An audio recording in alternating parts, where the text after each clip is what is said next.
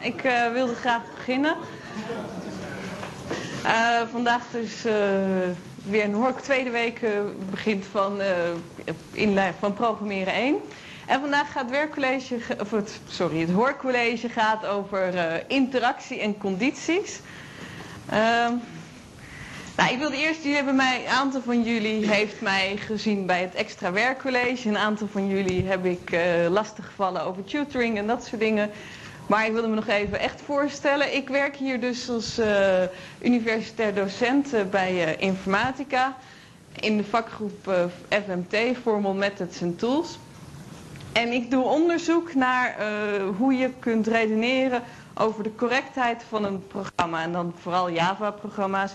En de laatste tijd vooral als je een programma hebt waar meerdere threads tegelijk in executeren. Mark Timmer heeft daar vorige week iets over gezegd. Dat zijn jullie natuurlijk allemaal vergeten in de eerste 10 minuten. Is ook niet zo erg belangrijk dat je het echt begrijpt, maar het gaat gewoon om dus dat je hele moeilijke programma's hebt en dat je toch iets wilt kunnen zeggen over wat ze die programma's nou precies doen. Dus dat wat, is wat ik doe als ik niet uh, hier bijvoorbeeld college sta te geven. Nou, mijn contactgegevens staan daar. En ik hoop eigenlijk ook uh, tutor te worden van een uh, groepje eerstejaars studenten. Dus ik uh, ga het nog een keer zeggen. Er zijn op het moment zoveel studenten aangemeld dat er twee groepjes zijn. We hopen drie groepjes te maken. Dus als het je wat lijkt, als je graag getutord wil worden, meld je aan. Als je er graag meer over wil weten, kom dan even met me praten in de pauze. En verder, wat ik hier ook nog doe, als jullie nou over een paar jaar toekomen aan de master dan hopen wij natuurlijk dat alle formele vakken die we jullie gegeven hebben, dat jullie die heel erg uh, leuk vinden. En in dat geval kom je bij mij terecht, want ik ben de program mentor, oftewel de studieadviseur van een uh, master specialisatie die dus gaat over hoe je formeel correctheid van programma's kunt laten zien. Goed, om te beginnen wil ik weten of er nog vragen zijn nu naar aanleiding van het college van vorige week of het practicum of het werkcollege. Ja?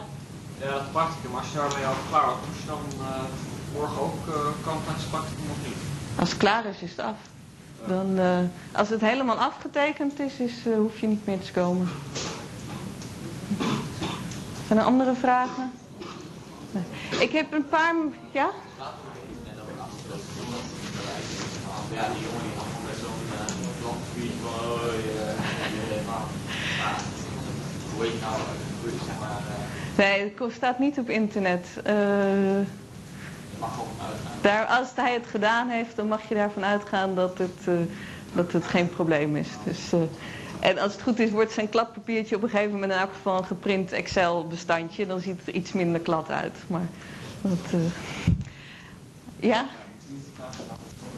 Sorry? Je hebt gelijk, ik moet de vraag herhalen.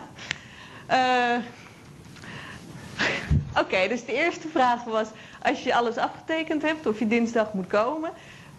En dat hoeft dus niet in dat geval. De tweede vraag was over alles wat, uh, uh,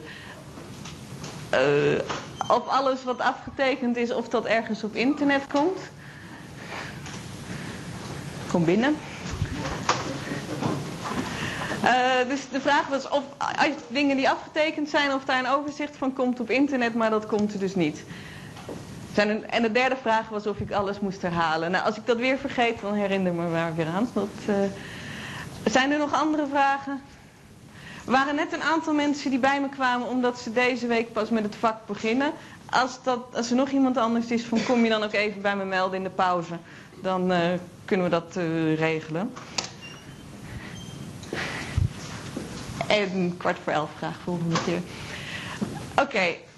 Nou, verder wilde ik nog een paar dingen zeggen die, ik belangrijk vind. Van, uh, dus over wat ik van jullie verwacht en wat jullie van mij mogen verwachten. En ik ga hier dus mijn best aan doen om hier een uh, interessant college te geven over uh, variabelen en dat soort dingen. en het helpt mij en het helpt je medestudenten als er niet ondertussen heel erg gepraat wordt. Als je nou alles al weet en je vindt het saai, ga dan gewoon naar de kantine of zo. Dan hoef je hier niet te zijn. Dan is het gewoon prettiger als je er niet bent. Uh, en verder, wat ik probeer is om... Ik heb, uh, ik heb hier vorige week zelf in de zaal gezeten bij een uh. En dan zat ik helemaal daar achterin. En toen dacht ik er weer aan van, oh, vroeger als ik naar college ging, hoe saai het was. En vooral als je daar achterin zit, hoe ontzettend moeilijk het is om die aandacht, ik wijs niet per se naar jou hoor, maar hoe, om je aandacht erbij te houden. Dus wat ik wil proberen in elk geval is om het college vrij interactief te maken. Nou moet ik dan alles weer herhalen geloof ik. Dus, uh, maar in elk geval, ik ga proberen om jullie veel vragen te stellen. En ik hoop dat jullie ook gewoon uh, mee willen doen. En ook als ik iets vertel en het is onduidelijk, van onderbreek me, vraag het gerust. Dan herhaal ik de vraag en daarna geef ik antwoord. Dus dat is een beetje over hoe ik hoop dat wij hier uh, kunnen werken. Dan eerst eventjes terug naar wat jullie uh, vorige week uh, te horen hebben gekregen. Dus vorige week heeft Louise jullie verteld van hoe werkt een computer. En daarna is het verder gegaan over wat zijn nou objecten en wat zijn klassen. En klassen, dus het is iets wat uh, een concept modelleert uit de werkelijkheid. En in die klassen heb je dan, je hebt data, de toestand van, dus iets zeggen over de toestand van een object. Een object is dan een instantie van een klasse. En je hebt methodes en dat zijn de dingen die je ermee kunt doen. Dus je kunt iets opvragen over de toestand of je kunt de toestand veranderen. En bij een klasse heb je altijd twee dingen. Je hebt de specificatie en de implementatie. Nou, de specificatie dat is wat je van buiten ziet. Dus dat is bijvoorbeeld die uh, mooie auto. Maar de implementatie dat is wat daar onder de motorkap zit. En wat als, zolang die het goed doet, wil je eigenlijk niet weten hoe dat eruit ziet. Tenminste, de meeste mensen niet. Alleen de hobbyisten misschien. Nou, zo is het ook een beetje bij programmeren. Als je een klasse gebruikt van iemand, dan wil je gewoon een beschrijving hebben van dit en dat is wat het doet. En dan hoop je gewoon dat hij het goed doet en dat je niet hoeft te kijken naar hoe die echt geïmplementeerd is. Oké, dus hier nog een keer het punt maken. Uh, dus die specificatie, die beschrijft wat die klasse doet, de functionaliteit van de klasse. En die beschrijft dat op een manier dat de gebruiker er voldoende aan heeft. Dus de, gebruiker hoeft eigenlijk niks te weten van hoe dat nou precies, hoe dingen geïmplementeerd zijn, als die maar weet hoe die de klasse kan gebruiken. En de implementatie, die zorgt ervoor dat alles wat de klasse belooft dat hij doet, dat hij dat ook echt doet. En dat is dan intern, dus dat, dat is echt hoe het eruit ziet. Uh, nou, daar nog een keer het plaatje. En dan is mijn vraag aan jullie, of je nou ook een idee hebt waarom zo'n aparte specificatie, waarom dat uh, belangrijk is. Ja? Omdat, nu in het begin zijn de klassen nog wel redelijk simpel, maar later krijg je echt hele ingewikkelde klassen waar die eigenlijk allemaal niet langs zullen gaan, wil gaan om precies te weten aan de hand is. Ja, dus jij zegt, ik ga weer herhalen. Van, je, als klassen ingewikkeld zijn, dan je wilt niet dat iemand er echt naar de klasse moet kijken om te weten, naar de implementatie moet kijken om te weten hoe die, hoe die klasse precies werkt. Andere ideeën waarom dit nou belangrijk is? Ja? Nou, de implementatie is soms, dan mag je niet. Inderdaad, daar wordt gezegd. Ja, inderdaad. Dus soms mag je inderdaad de implementatie uh, niet inkijken. Dat kan ook nog een, een reden zijn. Heb je, alleen, je, hebt een, een, bibliotheek die je komt, heb je ergens gekocht en die mag je gebruiken, maar je mag er verder niks aan zien. En heel in het algemeen. Uh, dus het maakt het gebruik makkelijk, maar het zorgt ook dat het, dus het hergebruik, het onderhoud, want je mag het op zich vrij veranderen, zo'n klasse, zolang die maar aan zijn specificatie voldoet. En het geeft ook, als je denkt in termen van specificaties, dan helpt dat om het systeem op te bouwen in verschillende delen en het geeft modulariteit. Nou, dat was over het verschil tussen specificatie en implementaties. Deze week gaan we het over een heleboel dingen hebben. En dat zijn eigenlijk allemaal implementatieconcepten. Want uiteindelijk is het wel de bedoeling dat jullie zelf een implementatie kunnen maken. Maar wat je zult merken tijdens het werkcollege, tijdens het practicum, is dat we er dan altijd op hameren dat je ook de commentaar moet schrijven, dat je documentatie moet schrijven, zodat je dus kunt uh, aangeven wat de specificatie is van wat je gedaan hebt. Zodat iemand anders het kan gebruiken. Nou, hier staat het lijstje van dingen waar ik het over ga hebben tijdens dit uh, college. En dit ga, kun je allemaal nalezen in hoofdstuk 3 en 4 van het boek. Ja, dus de vraag is, als je nou een, een klasse gaat implementeren, van wat voor dingen heb je daar dan voor nodig? Van, wat hebben jullie tot nu toe al gezien? Wat voor ideeën hebben jullie over? Wat voor concept heb je nodig om een klasse te implementeren? Ja? Verantwoordelijkheden? Oké, ik dacht meer aan iets concreets, maar ja. Ja? Constructor en dat soort en methode en uh, variabelen. Ja, constructor, methode, variabelen, dan ben je aan heel end. Eigenschappen. Ja, eigenschappen, ja. Die, daar, die doe je dan vaak weer in termen van of een variabele of een methode, dat je ze definieert. En het is nog één ding wat ik mis in een methode. Als je nou een methode gaat definiëren, wat je daarin gaat zetten. Opdrachten, ja. Dus de commando's noem je dat, of opdrachten. En ook nog uh, expressies. En dat zijn dan eigenlijk dat zijn, uh, dingen waar een waarde uitkomt. Nou, jullie hebben het lijstje hier helemaal, ja? Wat bedoelt? Wordt bedoeld met expressies? Zijn Nee, een expressie dat is... Um, even denken hoor, hoe ik dat uitleg. Een opdracht, dat is uh, bijvoorbeeld een, dat is iets wat de toestand verandert. En een expressie, dat is iets wat, de, kijkt van wat is de waarde van deze expressie. Dat is bijvoorbeeld uh, een hele simpele, het komt straks meer. Uh, ja, ik moet hier een ander systeem voor bedenken. Oké, de vraag was dus uh, wat expressies zijn. Of ik dat nog een keer kan uitleggen. Dus bijvoorbeeld als je opschrijft 3 plus 4, dat is een expressie. En dat ga je dan evalueren en daar komt 7 uit. Hopelijk. Uh, je kunt ook twee variabelen hebben en die bij elkaar optellen. En dat is, als je dat opschrijft, dat is ook weer een expressie. Is dat zo uh, duidelijk?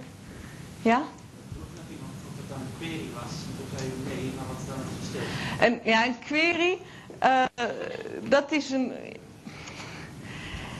Expressies en opdrachten, dat zijn dingen die je opschrijft in de body, dus in een methodedefinitie.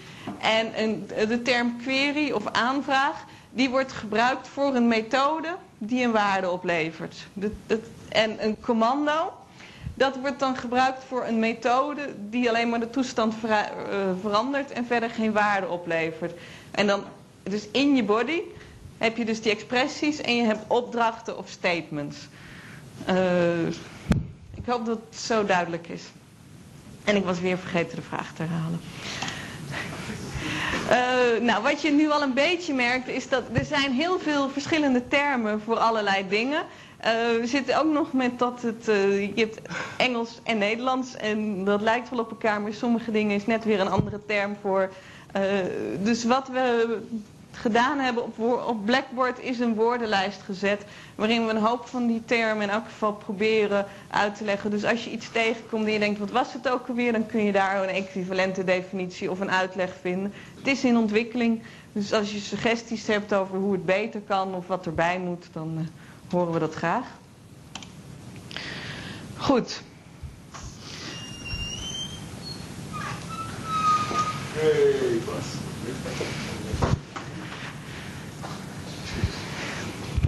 Ga rustig zitten. Uh, Oké, dus nou, dan, we hebben het al gehad eigenlijk over wat expressies zijn, maar het basisding als je een programma maakt, dat zijn uh, variabelen. Nou, wat is een variabele? Dat is een, gewoon een naam voor een stukje plek, een plekje in het geheugen waar je een bepaalde, bepaalde waarde wilt opslaan. Dus je kunt een variabele bijvoorbeeld count declareren. Uh, daar zet ik dan een bepaald keyword voor. Dat is het type. Daarmee geef ik aan wat voor soort waarde ik op die plek in het geheugen zal zetten. In dit geval dus een int, een integer. Of dan een geheel getal. En dan zeg ik, oké, in het geheugen ga ik op die plek, die ik daar zo, die ik met count uh, ga benoemen, uh, daar zal ik een getal zetten. Dus als dit mijn code is, en ik heb daar die declaratie staan, dan heb ik ergens in het geheugen een plekje staan En elke keer als ik de waarde van count opvraag, dan kijk ik wat staat er op dat plekje in het geheugen. En daar is dan dus ruimte om zo'n getal in op te slaan.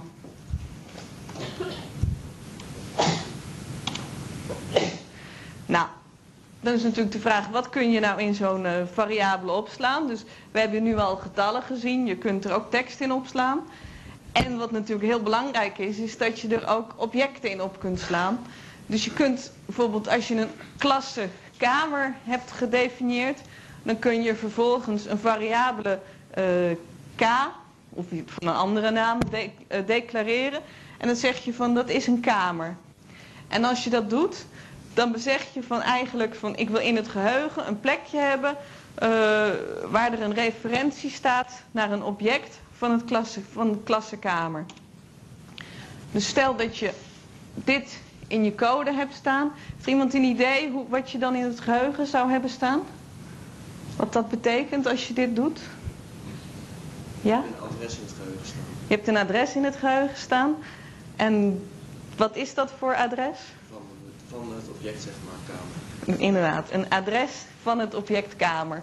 Dus je krijgt zoiets. Je hebt hier een variabele, k. Die staat in het geheugen. En op die plek staat een adres naar een andere plek in het geheugen. En daar zit dat object. En dat object is dan dus een instantie van die klassekamer.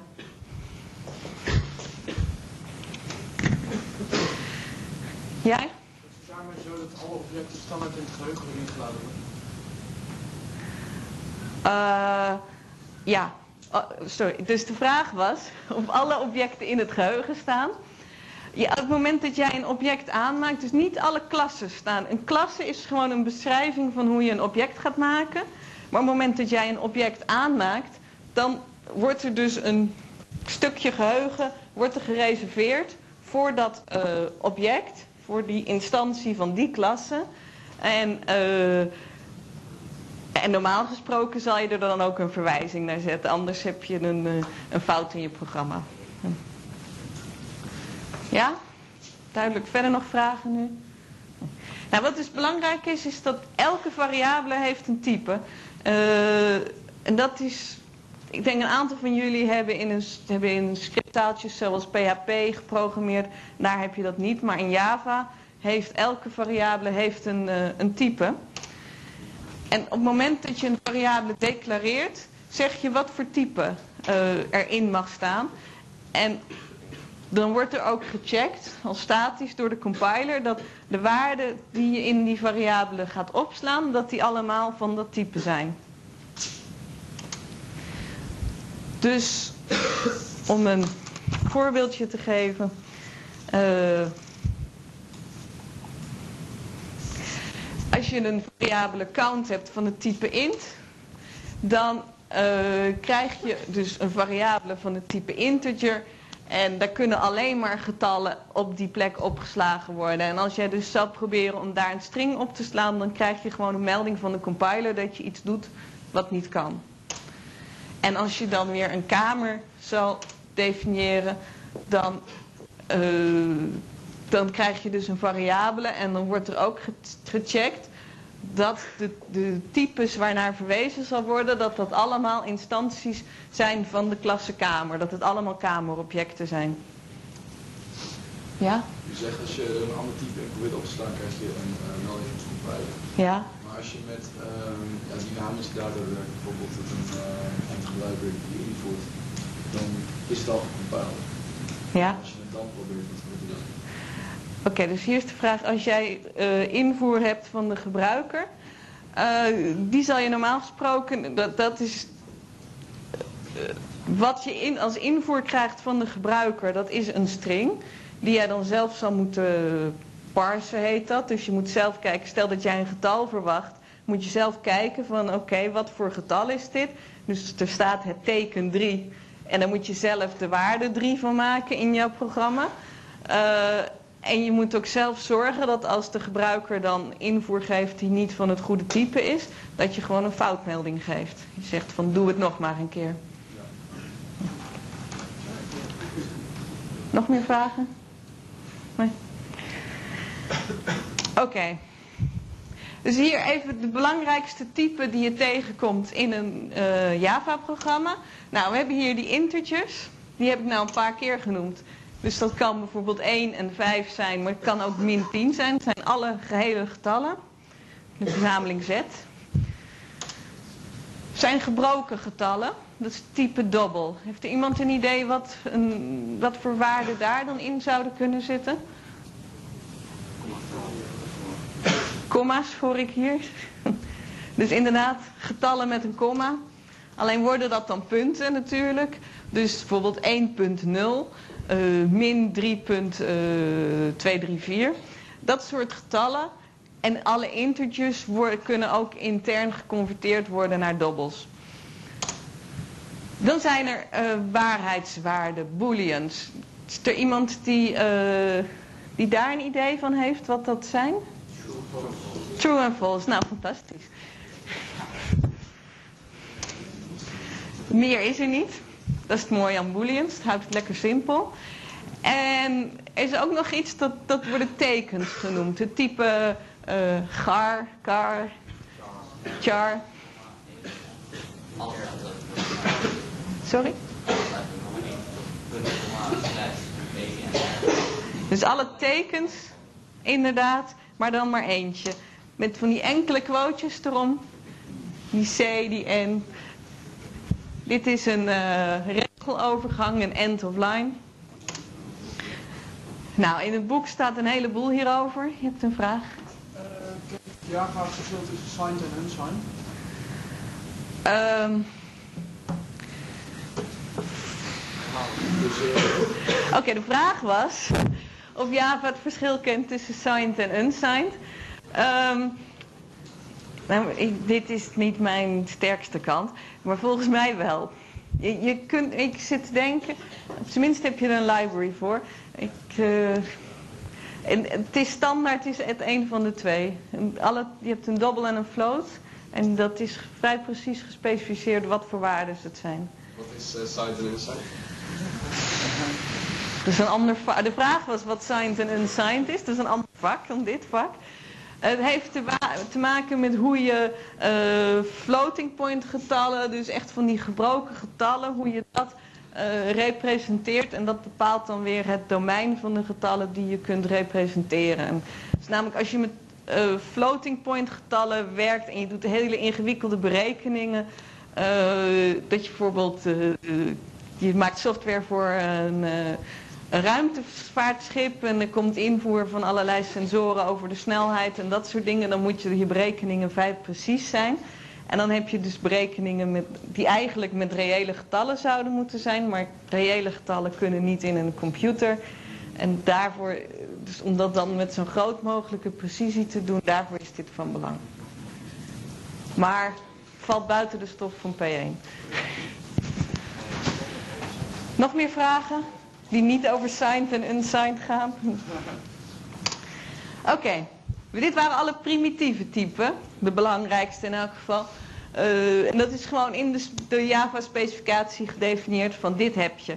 Nou, en verder heb je natuurlijk die referentietypes. En dat is dus het type is gewoon die klasse. En uh, de waarde die erin staat is een referentie naar een object. Dus naar een instantie van een klasse. Nou ja, en die klasses die kun je zelf definiëren. Dus hier kun je zelf alle nieuwe types definiëren die je zou willen hebben. En er is een bijzonder geval hier, namelijk string. Uh, een string, dus eigenlijk gewoon een lijstje van tekens achter elkaar. Uh, dat is handig als je woorden op wil schrijven, dat je niet alles in aparte characters hoeft te zetten. String is gewoon gedefinieerd als een klasse, maar er zit ook een beetje extra ergens ingebouwd, zodat je gewoon dingen met dubbele quotejes, dubbele aanhalingstekens op kan schrijven en dat Java dan gewoon weet wat je ermee moet doen. Dus dat is een beetje een bijzonder geval. Goed, de booleans. Nou, ik heb net gemerkt dat jullie dit eigenlijk allemaal weten. Dit was meneer Boel. Die heeft ze bedacht. En daarvoor was er geen waar en niet waar. Toen was er gewoon, dan waren er alleen maar vraagtekens. Uh, booleans zijn dus heel belangrijk. Van die drukken eigenlijk eigenschappen uit. Van is iets wel waar, is iets niet waar. Het is een goede conventie als je iets definieert als een boolean om er dan een is voor te zetten. Dus in plaats van een variabele schrikkeljaar dat je zegt is schrikkeljaar en dan is het waar of niet, jaar, niet waar. Uh, nou, dat soort dingen. En ze worden dus gedeclareerd als boolean. En jullie zullen ze nog heel veel tegenkomen tijdens de rest van, deze, van jullie studie. Nou, dit was gewoon over wat zijn nou variabelen. Uh, nou heb je binnen een klasse heb je eigenlijk twee soorten variabelen.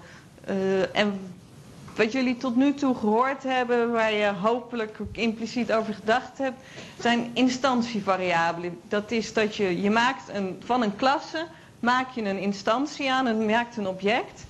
En je hebt variabelen gedefinieerd in die klasse. Dat noem je dan of instantievariabelen of velden of attributen. Dat is een beetje verwarrend dat er zoveel termen voor zijn. Maar die zeggen dus iets over de interne toestand van zo'n object. En zolang het object bestaat, bestaan deze uh, variabelen. En elk object heeft een eigen kopie van deze variabelen. Dus als je van één klasse meerdere instanties aanmaakt, dan heeft elke instantie heeft gewoon zijn eigen uh, variabelen, zijn eigen kopie van die variabelen en dus ook zijn eigen waarde.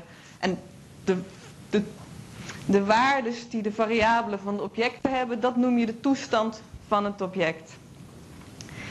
Is er nog iets dat als je een object aanmaakt en je hebt daar bepaalde attributen in gedeclareerd, nou hebben jullie al een beetje gezien dat je dan in de constructor moet opschrijven uh, wat voor initiële waarden die variabelen krijgen. In Java is het zelfs zo dat ze ook een default waarde krijgen. En dat is voor alle getaltypes, wat voor waarden ze krijgen is afhankelijk van het type. Als het een getaltype is, krijgen ze waarde 0. Als booleans zijn, krijgen ze de waarde false. En als het een referentie is, dan krijgt hij de waarde 0. En dat betekent dat de variabele naar geen enkel object verwijst. Ja? Um, bij een dobbel, ja. Ik heb, de vraag was of het bij een dobbel 0.0 was. Ja, dan is het 0.0.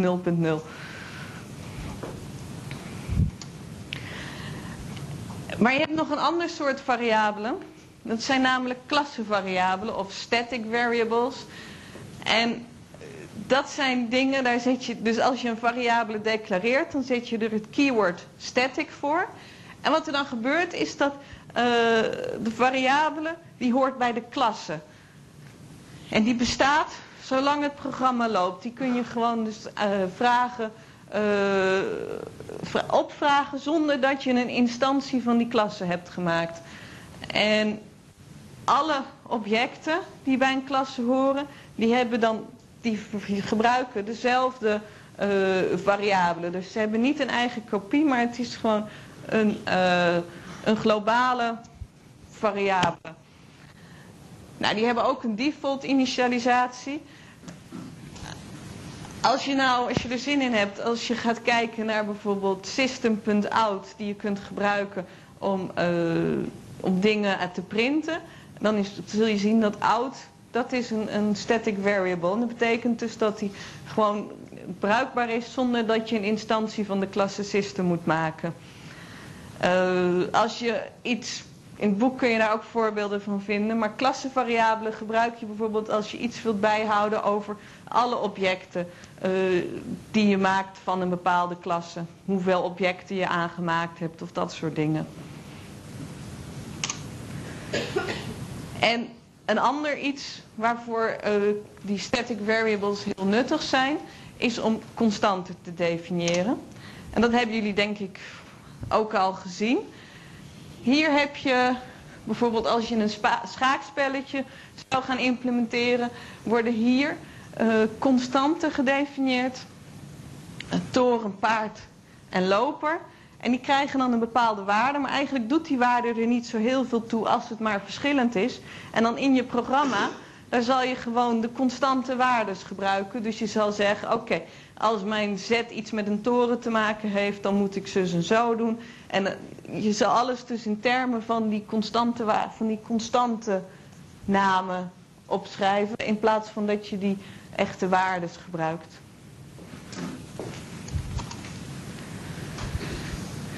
En dus voor die constanten, dat is weer, het zijn eigenlijk niet echt variabelen. Je kunt ze in elk geval niet meer uh, veranderen. Dat komt door dat uh, keyword final hier, wat zegt van oké, je mag het één keer een waarde geven en daarna is die waarde final, mag je niet meer veranderen.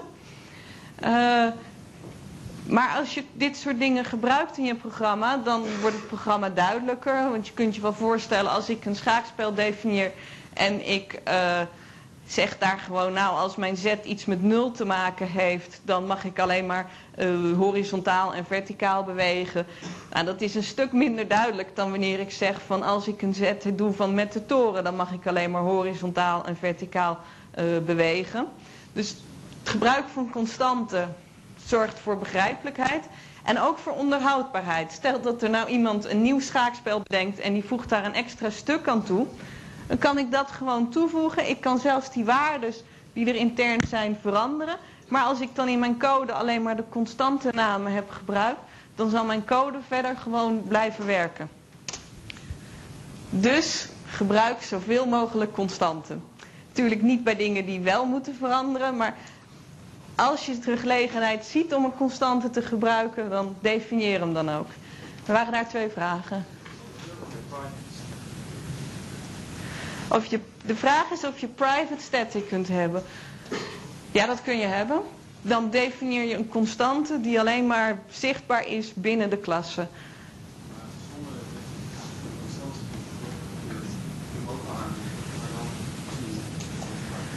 Um, dan kun je hem alleen maar aanroepen. Dus de vraag was hoe je hem dan kunt uh, aanroepen. Ja? Uh, dan kun je maar, dus dan is hij alleen maar zichtbaar binnen de klasse. Dus vanuit de klasse kun je hem aanroepen. Daar is het een static variabele. Als die dan nog final is, het, is het een static constante. En ik denk eerlijk gezegd niet dat je veel reële voorbeelden kan vinden waar dit echt nuttig is.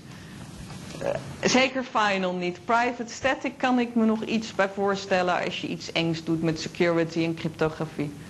Je had ook een vraag? Wat is dan precies het verschil tussen wat static is en wat final Oké, okay, eerst de vraag, wat is het verschil tussen static en final? Static zegt alleen maar, deze variabele is, hoort bij de klasse. Dus die bestaat ook als ik geen instanties van het object aanmaak. Dus die zegt alleen maar van dit is eigenlijk een globale variabele. Een final die zegt van ik mag één keer een waarde eraan geven en daarna is die final. En die waarde moet ook nog bij de declaratie gegeven worden. Dus eigenlijk zegt die final gewoon dit is een constante. Dus als je dit bij elkaar doet, definieer je globale constanten die van overal zichtbaar zijn. En dat is bij constanten eigenlijk altijd wat je wil doen. Maar je moet die combinatie hebben om ook echt dit effect te bereiken. Ja? Uh, staat het nou werkelijk in het geheugen of wordt het afgehandeld door een preprocessor? Uh, Oké, okay, de vraag is of dit in het geheugen staat of dat het afgehandeld wordt door een preprocessor. Um, maar dan zit ik even te denken over wat je precies... Je bedoelt als je dit... Wordt tijdens het proces gewoon elke vorm van toren veranderd in 0? Of wordt dat gewoon in het geheugen opgeslagen dat toren 0 is, het dan steeds aanvoegen? Oké, okay, dus de vraag is inderdaad... Oké, okay, of elke toren vervangen wordt door een 0 in je programma op het moment dat je compileert. En dat is niet het geval. Uh, dit zijn gewoon variabelen met een beetje speciale functie. En tijdens de uh, gewone compilatie, standaard compilatie naar bytecode, daar worden ze niet uh, weggeoptimaliseerd in het algemeen. Ik kan me voorstellen dat je optimizing compilers hebt die dit wel op een gegeven moment doen. Maar als je naar bytecode kijkt van een Java-programma, dan zie je daar dus met de standaard Java compiler, dan herken je daar heel direct gewoon je source code in terug. Als je weet, weet je hoe je de instructies moet lezen. En dit soort dingen worden niet zomaar weggecompileerd. Was er nog een vraag? Ja?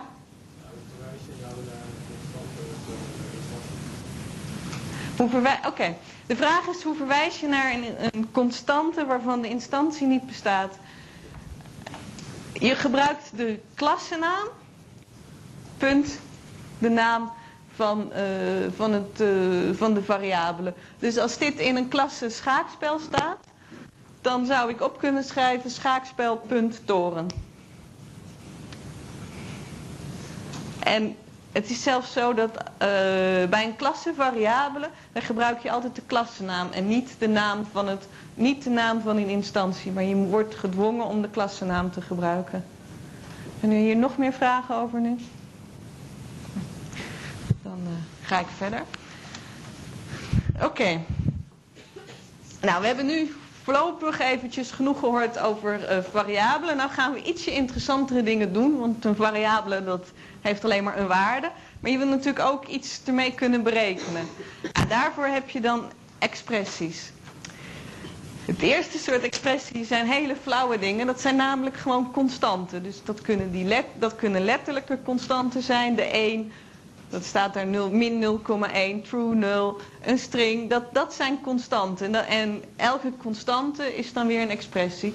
En het kunnen ook die benoemde constanten, oftewel die, die static final, public static final variables zijn. Dat zijn allemaal constante uh, expressies. Maar als je dit soort dingen hebt, dan kun je de berekeningen op doen. Dus je hebt in Java een aantal standaard uh, operatoren, de plus, delen, de min en de modulo operator. Staat hier niet bij, maar dat hebben jullie allemaal tijdens het werkcollege gezien.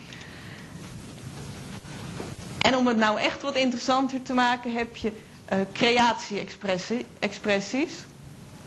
En dat is dus nieuw.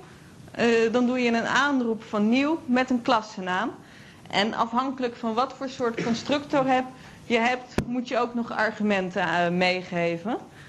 En die argumenten, dat is dan weer een lijst van expressies. Dat hoeven niet waardes te zijn, maar je kunt dus ook daar een ingewikkelde expressie aan meegeven, die dan eerst geëvalueerd moet worden voordat de constructor wordt aangeroepen. Nou, als je hier dus zo'n constructor aanroept, wat er gebeurt is dat er een object wordt aangemaakt wat een instantie is van die klasse. En uh, vervolgens wordt dat geïnitialiseerd met de code die in die constructor staat. En dan heb je ook nog uh, expressies die bestaan uit een methode aanroep. En dat zijn dus die aanvragen of queries. En die hebben dus deze vorm. Je hebt een server, dat is degene die de aanroep ontvangt. En een punt methode, dat is de naam van de methode. Daar kunnen weer argumenten meegegeven worden. En dat, die argumenten, dat is even weer terminologie, dat noem je de actuele parameterwaarde of de actuele variabele. Uh, de actuals.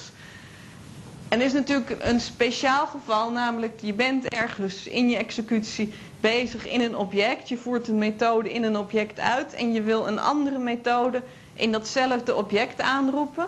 Nou, dat kun je dan op twee manieren doen. Je kunt gewoon de methodenaam opschrijven. Of je schrijft op this.methode. En dat heeft precies hetzelfde effect. Dat zegt gewoon van voer deze methode uit op dit object.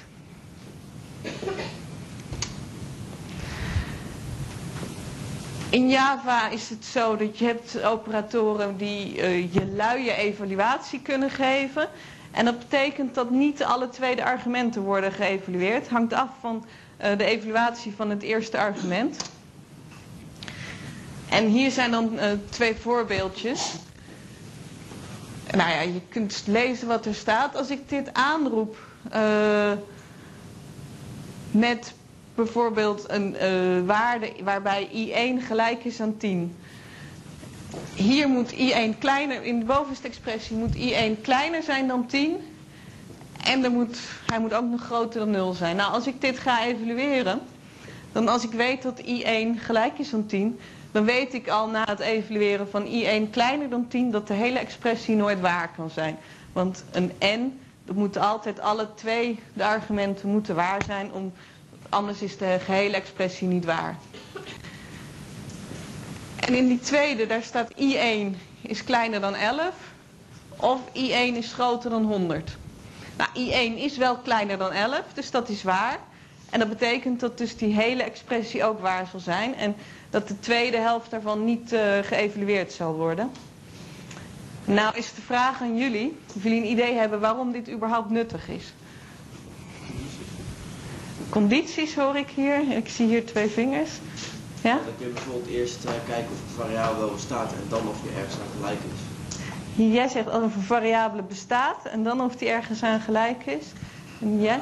Bedoelt u het nut van uh, evaluatie op zich of het nut van het feit dat als de linkerkant al geldt?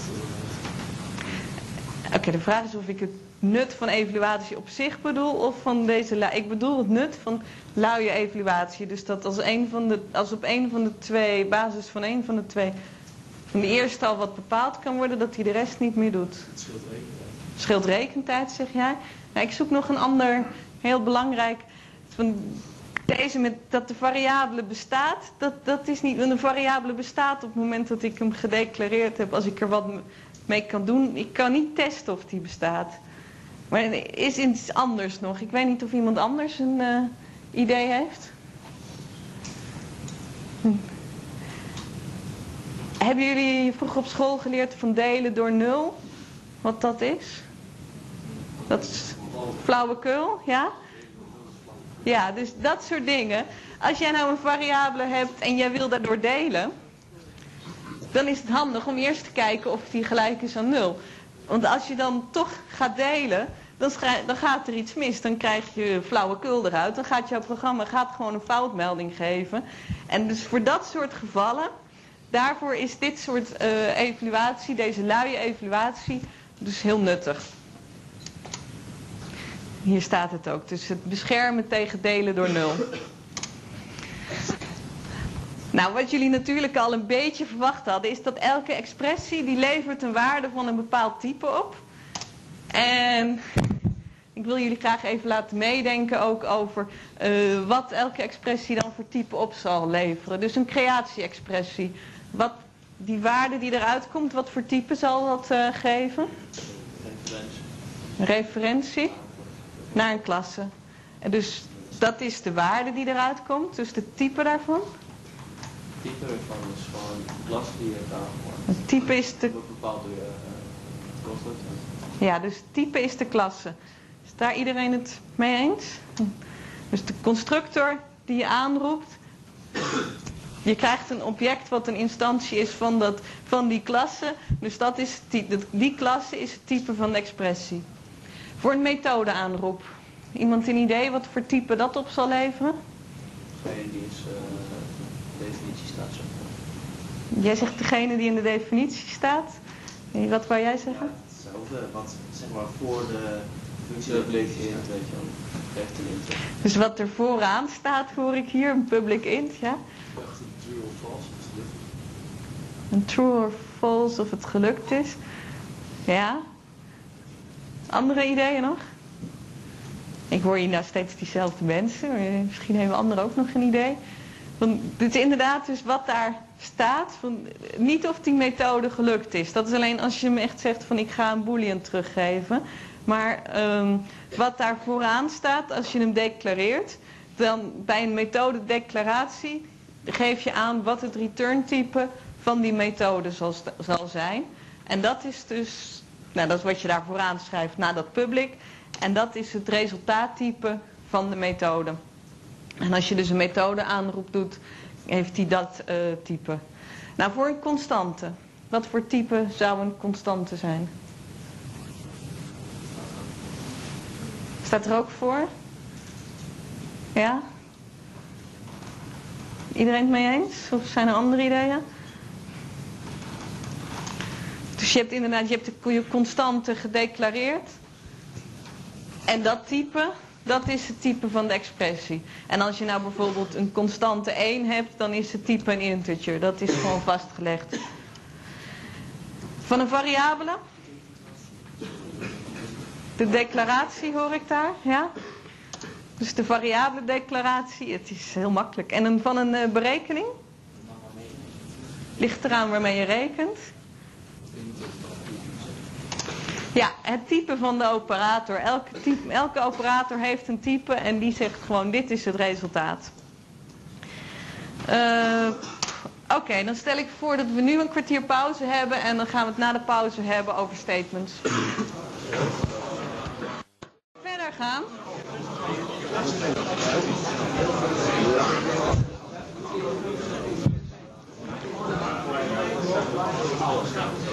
Ik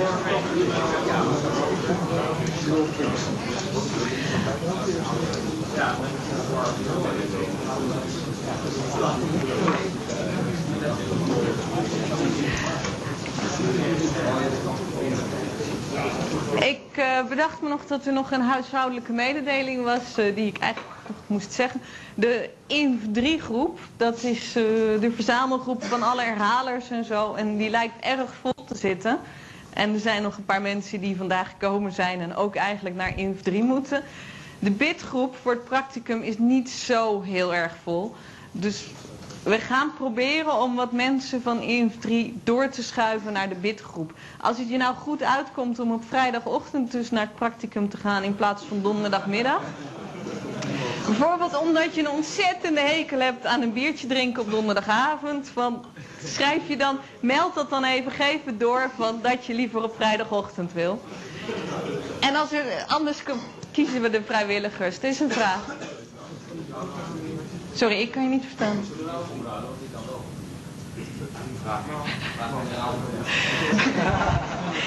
Als je van de bidgroep naar de EF3 groep wil, dan moet je een vrijwilliger vinden die met je wil ruilen. Twee. Twee vrijwilligers. Zijn er nog meer vragen over dit soort uh, wisselingen? Nee? Oké. Jullie kunnen misschien ook gewoon afspreken dat je het in tourbeurt doet. Dat je niet iemand uh, wie er op vrijdagochtend gaat. Dat zoeken jullie verder maar uit. Goed. Even terug naar de inhoud. Want tot nu toe hebben we eigenlijk hebben we het alleen maar over variabelen en expressies gehad. Maar je wil natuurlijk een keer echt wat uh, gaan doen. Je wil niet alleen maar toestand opvragen, maar je wil ook toestand kunnen veranderen. En daar heb je dan opdrachten voor, statements. En die doen iets met de toestand van je object. En weer een hele flauwe om mee te beginnen. Dat is namelijk de return opdracht. Heb je er twee van. En de eerste is gewoon een return zonder waarde. Dat is als je een methode uitvoert die uh, geen waarde terug hoeft te geven. Dan kun je die beëindigen door een return uit te voeren. Als je wel een waarde terug moet geven, dan doe je return met een expressie. En die expressie, dat is dan de resultaatwaarde van uh, die methode. Nou, je kunt je natuurlijk voorstellen dat die expressie, die moet dan weer hetzelfde type zijn als het resultaattype van de methode. En anders krijg je een klacht van de compiler. Uh, en als je een methode hebt die een resultaattype heeft, dan moet je, dan zal die ook afdwingen dat elk pad door die methode, dat dat eindigt met zo'n return expressie. Uh, die andere, een return statement zonder waarde, die zul je veel minder gebruiken. Omdat een methode ook gewoon termineert als die aan het einde van zijn code is. Nou, dat is nog flauw, maar nu wordt het echt heel erg interessant, want nu kan je echt wat gaan doen. Je kunt namelijk assignments doen, toewijzingen. En dan kun je een variabele een nieuwe waarde geven. Heb je twee soorten van. Uh, je hebt bestaande variabelen en dan schrijf je op variabele is expressie. En wat er dan gebeurt is dat die expressie die wordt geëvalueerd. En de uitkomst daarvan, de waarde daarvan, die, dat wordt de nieuwe waarde van die variabele. En je kunt ook opschrijven type variabele expressie. Dan declareer je een nieuwe variabele, een lokale variabele. Daar hebben we straks nog over. Van een bepaald type. En die krijgt gelijk een waarde. Namelijk de waarde van die expressie. En tenslotte heb je ook nog, heel onverwacht, methode aanroep. En dat zijn dus die commando's, dingen die de toestand veranderen. En die als je netjes programmeert geen waarde teruggeven. En die roep je dan weer aan met server.methode en de argumenten. Is een klein subtiel punt. Wat vooral met uh, boelse variabelen te maken heeft. Uh, wie kan mij vertellen. Even. een briefje spieken.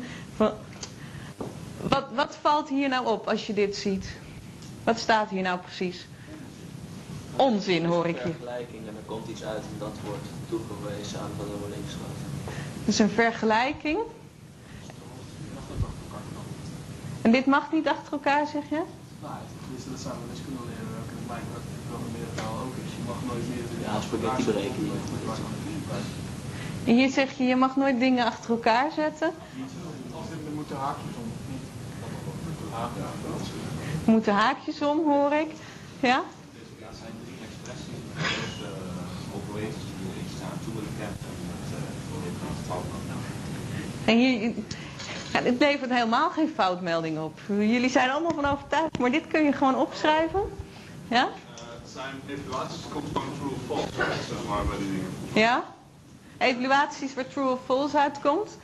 Eh, dan moet ik even kijken of ik nog een stok zie. Nee. Eh ah. Dank je. Wat, hier staat, of eigenlijk, nou dit is, eh, dit is de modulo. Kennen jullie nu allemaal? Dus je kijkt hier of een jaar een schrikkeljaar is. Je doet jaar modulo 4. Dus je kijkt eigenlijk of delen door 4 of dat een rest oplevert. Wat de rest daarvan is. En dit is een eh, gelijkheidstest. En die moet je dus, wat, waar het hier om gaat, is dat je die niet moet verwarren met deze. Deze is enkele is, want dit is een assignment. Dus hier kijk je naar delen door 4. Wat is de rest daarvan? Is dat 0? Nou, dan is het een schrikkeljaar. Moet je eigenlijk natuurlijk nog preciezer doen, maar dat, uh, daar gaat het hier niet om. Terwijl deze, hier, dan kijk je of kracht groter gelijk is aan uithouding. En de waarde daarvan, die wordt toegekend aan die variabele is dood. En dus in het eerste geval, of het een schrikkeljaar is, dat wordt toegekend aan die boolean, variabele is schrikkeljaar. En wat dus belangrijk is, is dat je heel goed dat onderscheid maakt van die enkele is. Dat is een toewijzing, dat is een assignment. En die dubbele is, dat is een vergelijking. Dat is leuk, hoor ik hier. Het is ook heel verwarrend. Uh, is er ook nog een... Iets wat niet op mijn sheet staat, want er staan alleen maar dingen op. Maar als je namelijk opschrijft, bijvoorbeeld x wordt 4. En dan geef je x de waarde 4. Uh, maar dit heeft ook nog een resultaatwaarde, dat is namelijk 4. En dan kan ik opschrijven, kan ik dit opschrijven. y wordt, x wordt 4. En uh, dat betekent dus dat zowel y als x de waarde 4 zullen krijgen. Het is natuurlijk slecht programmeren, maar af en toe doe je dat. Maar er staat dus heel wat anders. Dan wanneer je dit opschrijft. Hier schrijf je y wordt de waarde van is x gelijk aan 4. En dit is dus een boolean. En dan zal y true of false zijn. En nou ja, dan, meestal wordt dit dus door de compiler afgevangen. Maar je kunt jezelf daar dus uh, lelijk mee in de vingers snijden. En wees je er gewoon van bewust dat je die enkele en die dubbele is hebt. En dat dat verschillende dingen zijn. Dat is een vraag. Maar als je dit daadwerkelijk wil gaan doen, hoef je dus geen haakjes. Je hoeft hier geen haakjes, want dit is gewoon helemaal... Je moet natuurlijk haakjes gebruiken als dingen niet duidelijk zijn. Maar omdat deze is een, een assignment is, die eerste, kan ik gewoon wat de rest, wat daarnaast staat, kan ik gewoon heel duidelijk lezen van wat daar nou eigenlijk staat. Ja? Dus die haakjes om jaar modulo 4 hadden eigenlijk niet gehoeven? Die haakjes om jaar modulo 4, dat, de vraag is of die niet hadden gehoeven. Maar die moeten wel. Want als ik dat niet doe, dan weet ik niet wat er staat. Dan kan het zijn dat ik jaar modulo 4 gelijk aan 0 wil vergelijken. En dat, dat, dan moet je, als je geen haakjes gebruikt, moet je weten over de prioriteiten, hoe dingen binden en zo. In dit geval, die haakjes moet je wel gebruiken. Bedoelt u dan dat het zou geïnterpreteerd kunnen worden als jaar modulo vals? Ja. En dan krijg je een foutmelding van de... Dus de vraag is of het geïnterpreteerd kan worden dan als jaar modulo false, omdat 4 niet gelijk is aan 0. En dat zou dan inderdaad, en kunnen gebeuren en dan krijg je, een fout, dan krijg je wel een foutmelding van de compiler, omdat je niet modulo false kunt doen. Want je kunt alleen maar modulo een getal doen. Maar dan is het dus niet duidelijk. Dus in dat geval denk dan gewoon weer aan je wiskundeleraar dat die haakjes moeten er dus gewoon wel staan. Nog meer vragen hierover? Nee? Goed. Dan is de vraag, wat gebeurt hier nou? Weer mijn vraag aan jullie. Ik heb wat voorbeeldjes. Wat gebeurt hier? Als ik dit opschrijf, ja? Er wordt een, eh, als dit een expressie is van een query met die je boolean moet geven en er staat return true, dan wordt die boolean als true eh, aangegeven. Ja, inderdaad. Dus dit zal van het einde van een query zijn de implementatie. Eh, en daar wordt de waarde true wordt teruggegeven, de boolean waarde true. En dus dit zal een methode zijn die als eh, resultaattype een boolean heeft. Return 1 geeft int waarde 1. Hè, dat is makkelijk. Return k, k is een kamer. Geeft een geeft een object terug. Een referentie naar dit object K wordt teruggegeven. Eh, als ik opschrijf count wordt 0, je hebt een vraag? Ja, hoe kan ehm, Java weten dat het bij K om een referentie naar K omdat het voor in de methode is? Die K, dus de vraag is hoe Java weet dat het bij K om een referentie naar een kamer gaat. Oké, en hier staat ook alleen maar object K. Eh, maar die K die is van een bepaald type. Dat is gedeclareerd. En dus op elk moment weet je voor elke variabele wat het type is. En dat weet Java ook. Niet alleen maar de programma. maar je kunt dus niet zowel een K elkaar hebben als een string. Niet binnen dezelfde context. De vraag is of je zowel een kamer K als een string K kunt hebben. En dat kan niet binnen dezelfde context. Dus... ehm, ja? Als je return k uit context halen, het eigenlijk geeft de inhoud van variabele k wat het van alles kan zijn. Oké, ja, inderdaad. is hier een goede opmerking. Zonder context is dit gewoon, geeft de inhoud van die waarde K terug. Maar mijn context was dat jullie wisten dat K een kamer is. Aan het eind van, dit prak, weet, van het practicum weten jullie alles over hotels en kamers en gasten. Dus daarom. Oké, nog meer vragen over eh, return K? Deze count is 0. Wat gebeurt hier? variabele op 0 of als het een final count is, dan geeft hij error. Oké, hij zet de variabele op 0. Inderdaad, variabele count. Als het een final count is, geeft hij een error.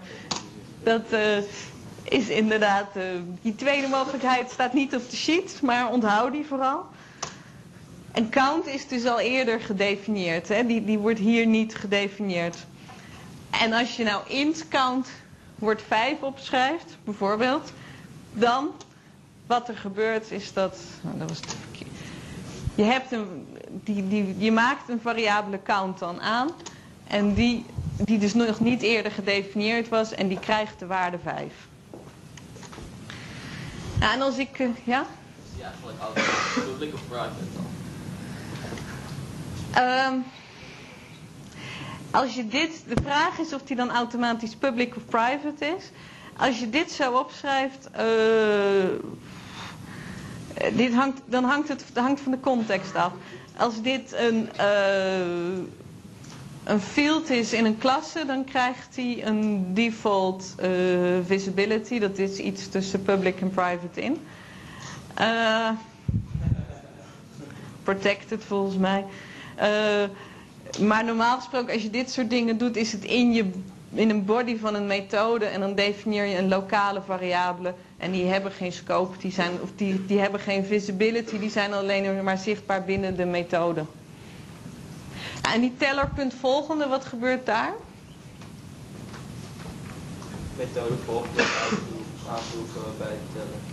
De methode volgende wordt aangeroepen. Ja, vanuitgaand dat teller zeg maar een object is die een eh, functie heeft, volgende wordt die aangeroepen. Inderdaad, ja, dit is jullie.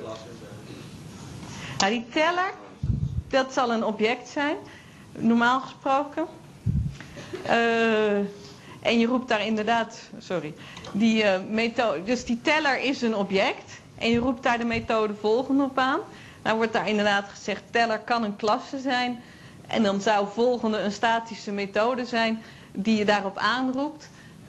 Conventie is dat je klassenamen met een hoofdletter doet. Daarom, en dan objecten, variabelen met een uh, kleine letter. Dus daarom denk ik dat dit een object is.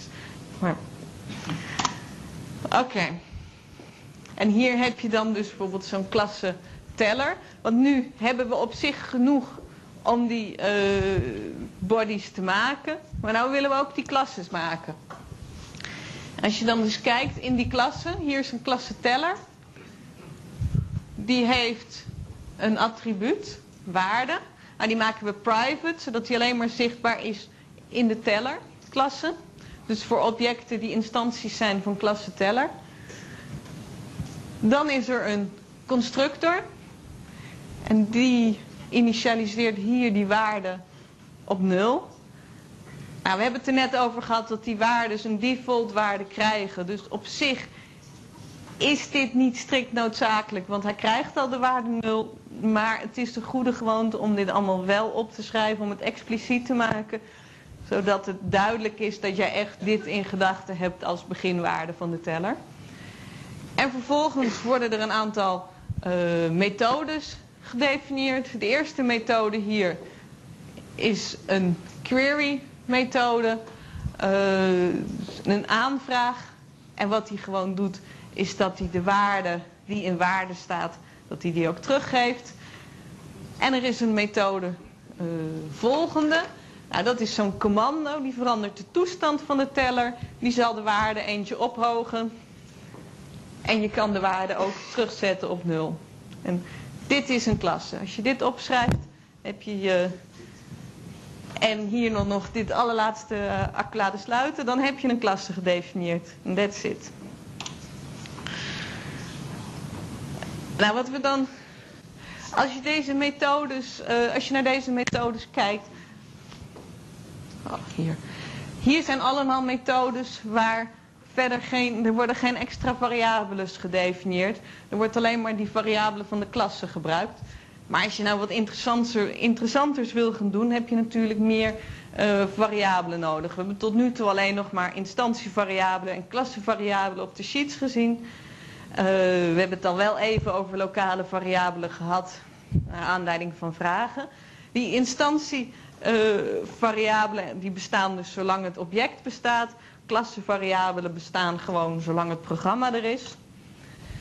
Maar je hebt nog twee soorten variabelen. Je hebt wat formele parameters genoemd worden. En die worden gedefinieerd in de aanroep van een methode.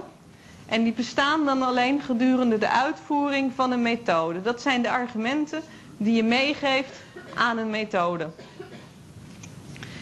En je hebt lokale variabelen.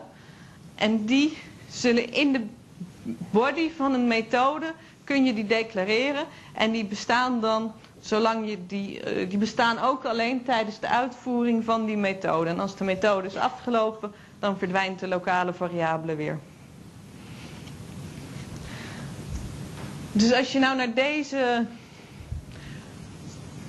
klasse, zonder klassendeclaratie kijkt. Uh, je hebt hier twee methodes. Wat zijn nou die uh, formele parameters? Stringnaam, kamerpositie en kamerpositie. Stringnaam, kamerpositie en kamerpositie, wordt hier gezegd. Is iedereen het daarmee eens? Ja? Iemand het niet mee eens? Iemand andere? Nee, het is helemaal... Inderdaad, dit zijn dus die formele parameters. En als je de methode aanroept, dan, moet, dan dwingt de compiler ook af dat je waardes meegeeft voor deze variabelen. Zodat ze dan in de body gewoon gebruikt kunnen worden, dat die een, een waarde hebben.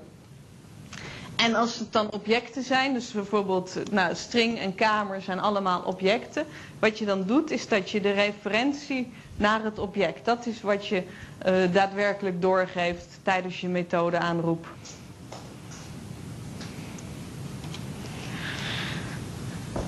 Nou, een, ja? Ja, over het. Als je die parameters, die moeten natuurlijk wel in de methode staan, maar moet je per se daar nog wat mee doen? Of is het ook goed als je ze daar laat staan? Dus, dus zeg maar, stringnaam wordt wel aangeroepen en je krijgt informatie mee, maar daarna gebruik je de hele methode niet meer. Is dat mogelijk? De vraag is, oké, als je je formele parameters niet gebruikt in de methodebody, kan dat?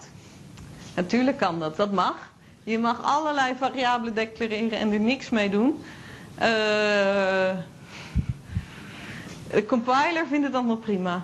Een practicumassistent gaat er misschien over klagen. Nee, maar dat is, eh, soms is, er zijn voorbeelden waar dat inderdaad nuttig, waar het een reden kan hebben. Of bijvoorbeeld dat je nog een. Uh, je hebt ook gezien dat je een soort default implementaties kunt maken waarin je eerst declaraties geeft.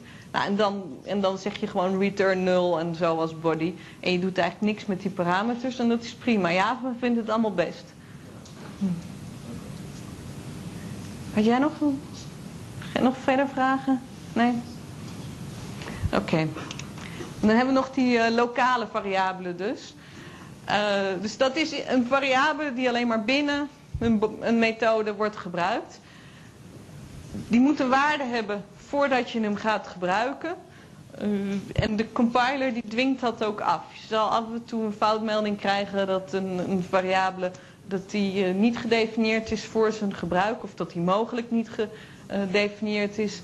En dat, dat komt dus daardoor. En hij heeft geen default initialisatie, dus je moet zelf als gebruiker, als programmeur, moet je echt zorgen dat, dat het een waarde krijgt. Maar dat kun je gewoon doen op het moment dat je die variabele declareert. Nou, dit is dus een voorbeeld van een declaratie zonder initialisatie. Index en, en K worden daar uh, gedefinieerd. En als ik ze dan wil gaan gebruiken, dan moet ik er een waarde instoppen voordat ik er een waarde uit kan gaan lezen. Maar ik kan het ook op zo opschrijven, dus ik declareer ze zo ergens in de body en dus krijgen gelijk een waarde 10 of een referentie naar een object, mijn kamer. En lokale variabelen, die ga je dus veel gebruiken. Uh, probeer probeer altijd goed na te denken over of, ze, of je ze moet gebruiken. Van, want als je het te vaak gebruikt, dan krijg je onleesbare spaghetti-code. Maar ze kunnen wel heel nuttig zijn om bijvoorbeeld uh, een tijdelijk resultaat, als je een ingewikkelde berekening doet, om dat tijdelijke resultaat op te staan. Of als je controle moet hebben over de executie van een methode, je moet iets een aantal keren uitvoeren. Daar gebruik je nou typisch lokale variabelen voor. Nou, wat we tot nu toe gezien hebben aan, aan statements was allemaal uh, wat, je, wat ze straight line code noemen. Dat is gewoon, gaat recht toe recht aan. Je zegt van doe dit, doe dit, doe dit. Je kunt je natuurlijk voorstellen dat als je een programma wil maken dat een beetje interessanter is, dat je meer moet hebben dan alleen maar een rijtje commando's. Je moet ook uh, iets hebben om te zeggen van als dit het geval is, dan moet je dat doen. Maar anders moet je iets anders doen. Nou, en dat is dus een uh, conditionele opdracht. En dat ziet er in Java ziet dat er zo uit. Dus je hebt een if. Nou, ik zei al dat die booleans die ga je heel veel gebruiken. En hier moeten haakjes omheen van Java. Dus dat is de conditie van de if. En dan voer je een aantal commando's uit van als aan die conditie wordt voldaan. Of je hebt een if then else. En die then die is dan in Java niet meer zichtbaar. Dat zijn gewoon de accolades die hier staan. Maar dan zeg je als aan de conditie wordt voldaan, doe dan dit ene. En anders doe je dat andere. Klinkt allemaal heel logisch. En hier is een voorbeeldje van hoe je dat dan uh, zou gebruiken.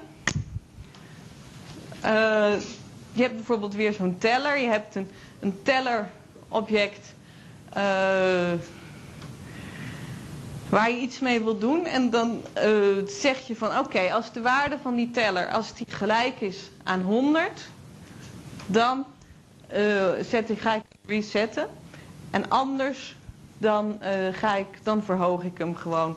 Nou, dit is dus een manier om een modulo counter te implementeren. Um,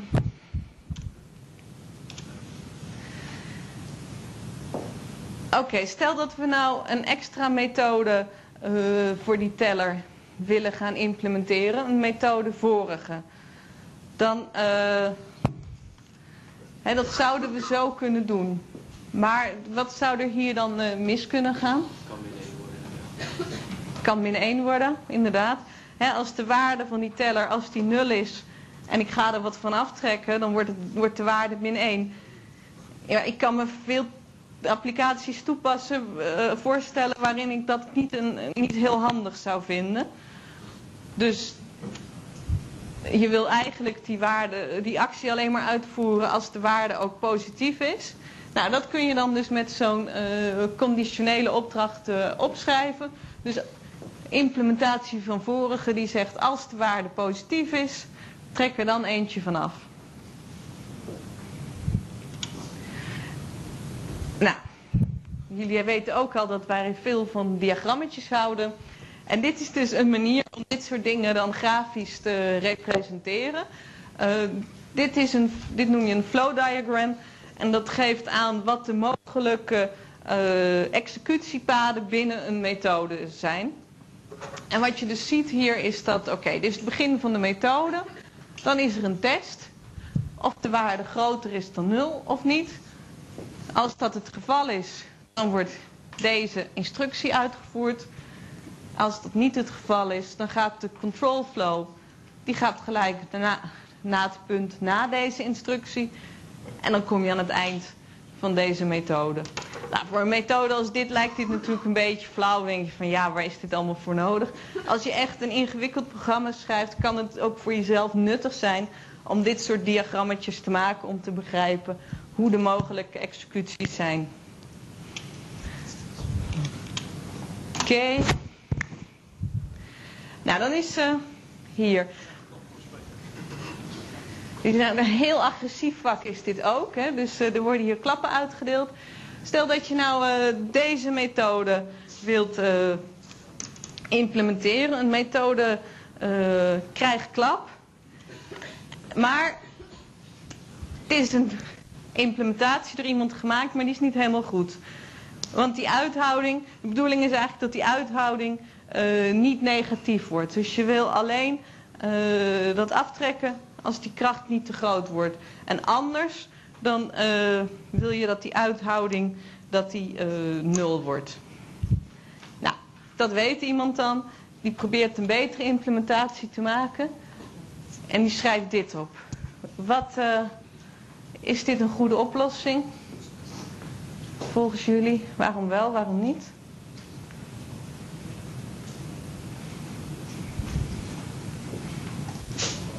Ik zou in plaats van die tweede if en else gebruiken. Jij zou in plaats van die tweede if en else gebruiken. Wat zouden andere mensen... Sorry? Heb je else ook in Java? Je hebt een else in Java. Een else if. Else if? Nee, dan zeg je in je else. Of de vraag is of je een else if hebt in Java, maar dan schrijf je in je else weer een if statement. Ik, ik zou ook een else gebruiken. Ja? Jij zou ze omdraaien. Ik zou eerst de onderste if en dan de volgende bij else. Eerst de onderste if en dan de volgende. Want mijn vraag, laat ik mijn vraag ietsje anders stellen, want jullie denken nu aan de oplossing. Maar wat is nou eigenlijk het probleem bij, de, bij dit? Sorry? Geen accolades. Nee, dat is geen probleem. In elk geval niet het probleem wat ik zoek, ja? Er bestaat de kans dat ze allebei uitgevoerd Er bestaat een kans inderdaad dat ze allebei uitgevoerd worden.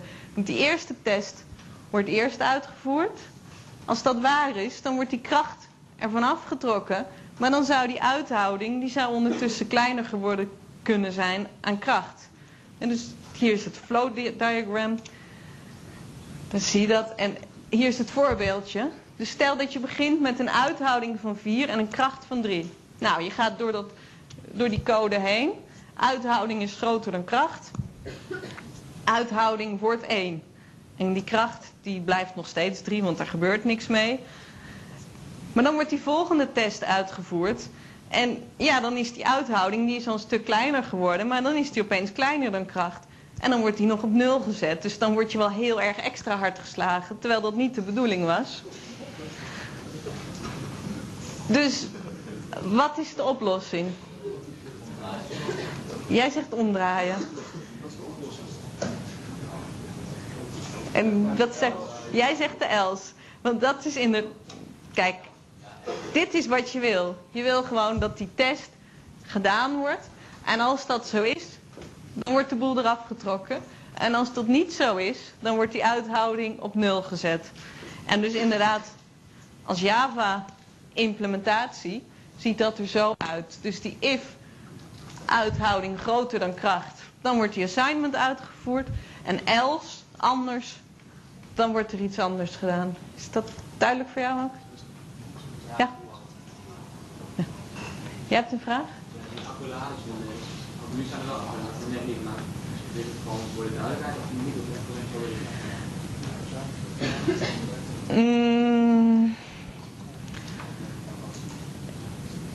Ja, ik, ik twijfel eerlijk gezegd bij die vorige of ze er niet in hadden gemoeten. Of dat niet een fout is op mijn sheet. Oké, de vraag was of die accolades wel of niet moeten.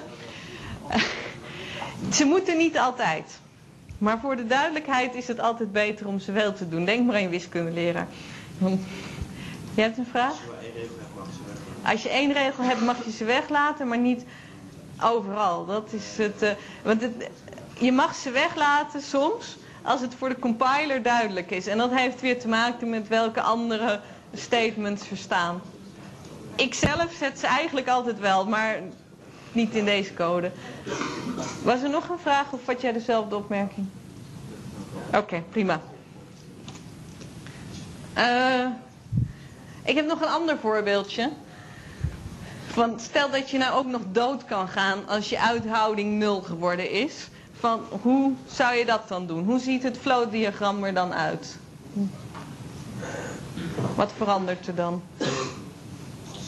Ja? De else, als die dus wel de uithouding 0 is, een methode aangeven die zegt vol gaat dood. Inderdaad. Als je dus in die else, dus hier in dat diagram, ik denk nog even in diagrammen.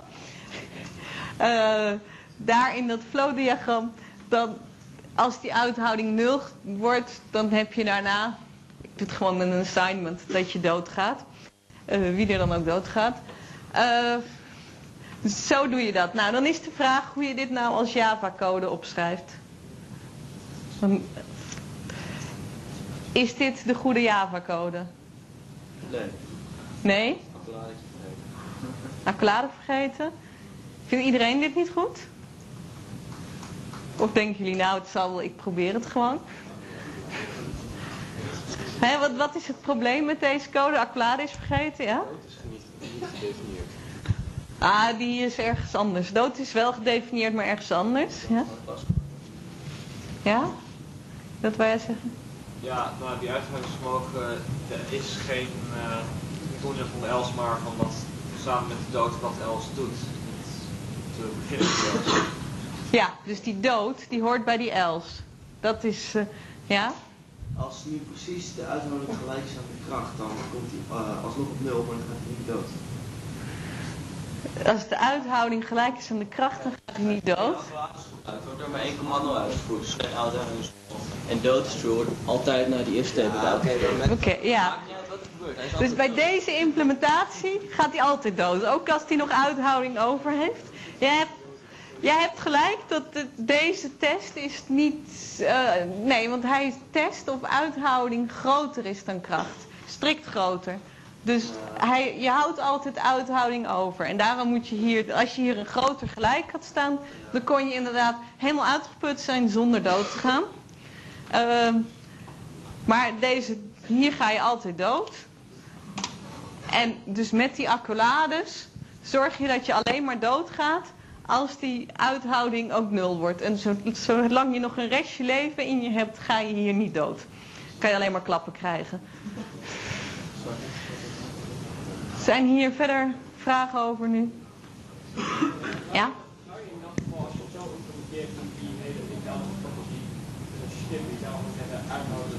in kracht. En volgens als uithouding is kleiner dan 1, dan dood. De vraag is of je het niet zonder if en else kan doen.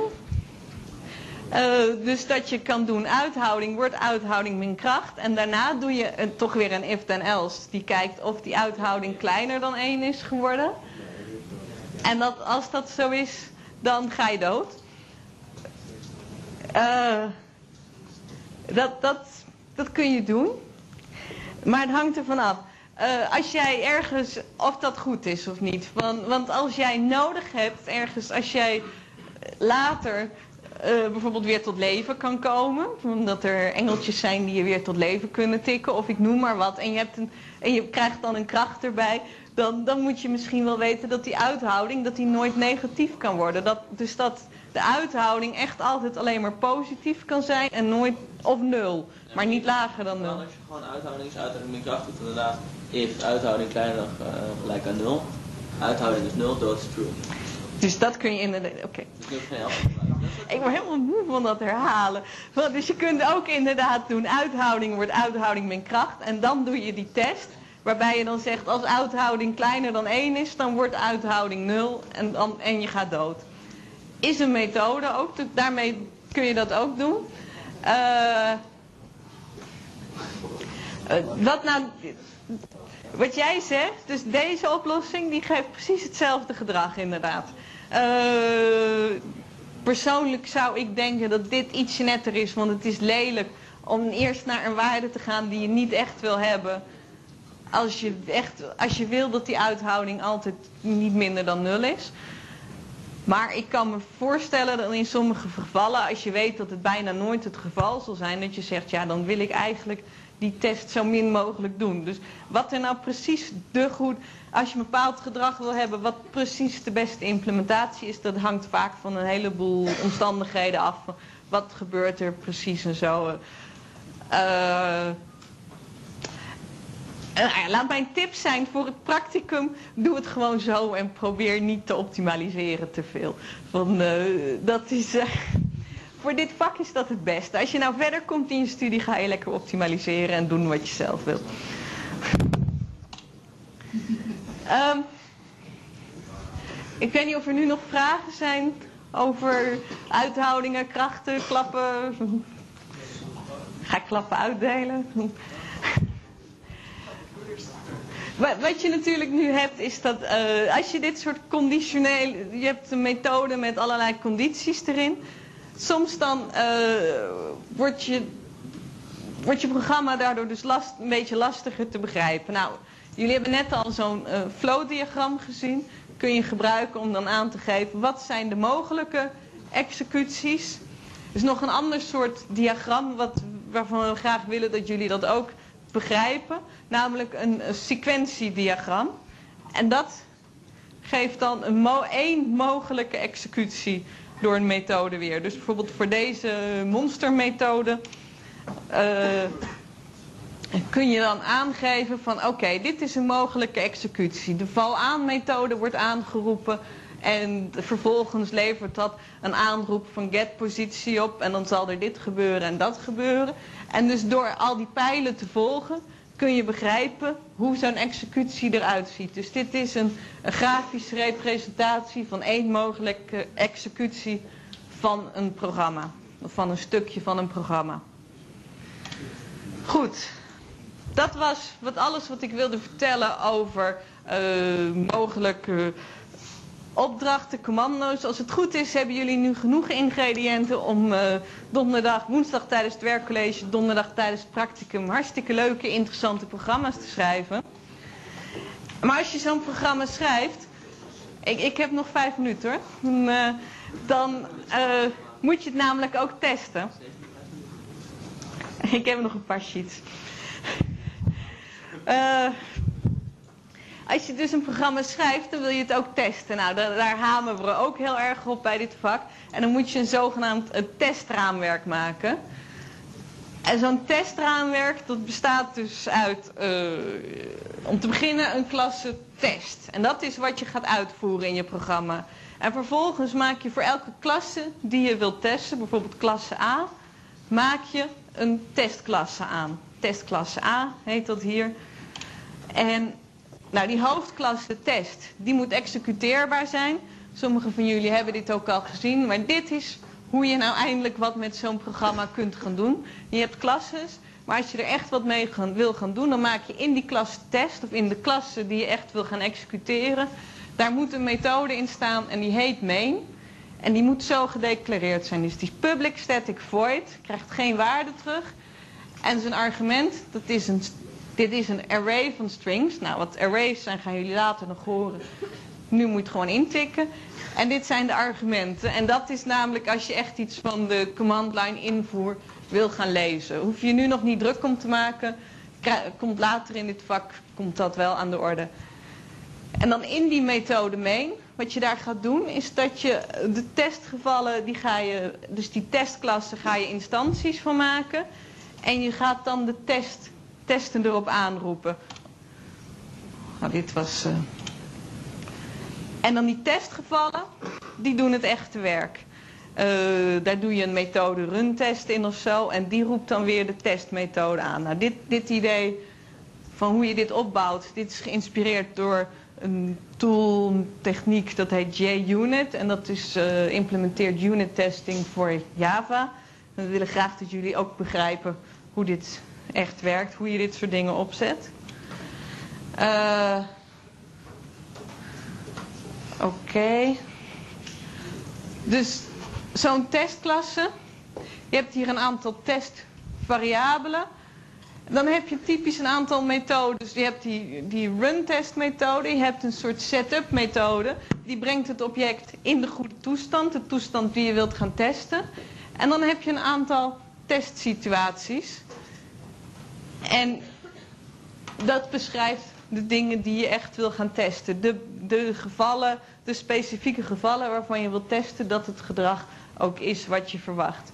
En dan heb je een methode zoals assert equals en die kijkt of de uitkomst van een methode ook gelijk is aan wat je verwacht als uitkomst. En als dat niet het geval is, dan is of jouw idee van wat het programma moet doen is fout, of het programma is fout. En dat moet je dan uitzoeken waar het probleem zit. Goed, dus bij zo'n testgeval, wat is er allemaal belangrijk? Nou, om te beginnen moet je weten wat er getest wordt. Lijkt logisch, maar stel je voor... Uh, je, hebt een programma en je zegt wel ja, het werkt niet goed, maar je weet niet waar het probleem zit. Dan kan je heel lang zoeken. Je hebt dus iets nodig om die begintoestand voor de test te gebruiken, uh, te bereiken. En je hebt die testmethode en die doen dus assert equals. Die zeggen van oké, dit is wat we gaan testen. Dit is wat we verwachten dat eruit komt. En die werkelijke waarde, dat is de echte uitvoer. Dat, en dat wordt dan vergeleken van is dat inderdaad equal. En als dat niet zo is, wordt er een uh, foutmelding gegeven. Dat was heel snel over testen. Gaan jullie donderdag tijdens het practicum heerlijk mee aan de slag. Uh, ik wilde nog heel even samenvatten van de belangrijkste punten van vandaag. Dus we hebben het gehad over die implementaties. Hoe je nou een implementatie maakt. Uh, en waaruit je die opbouwt. Dus je hebt die variabelen, je hebt expressies, je hebt statements, je hebt methoden en constructoren. En al die dingen in Java hebben een type. En Java, uh, die, die types, de compiler die checkt dat die types moeten kloppen. Nou is het zo in Java, Java is bedoeld als type safe. En dat betekent dat als het compileert dat er daarna nooit meer iets mis kan gaan met het type. Er zijn wat gevallen uh, bekend, wat, wat, die zullen jullie deze weken nog niet tegenkomen, maar er zijn gevallen waarin het niet helemaal waar is. Dus uh, Java is niet helemaal type safe, maar voor jullie is het goed om in gedachten te houden dat dat wel de bedoeling is. En types moeten gewoon kloppen. En de meeste fouten worden dus gewoon opgevangen door de compiler. En dan volgende week, nu hebben jullie als het goed is eigenlijk alle ingrediënten gehoord om zelf je klasses te gaan maken. Volgende week dan ga je echt over, oké, en als je nu een heel programma wil maken, dus hoe ontwerp je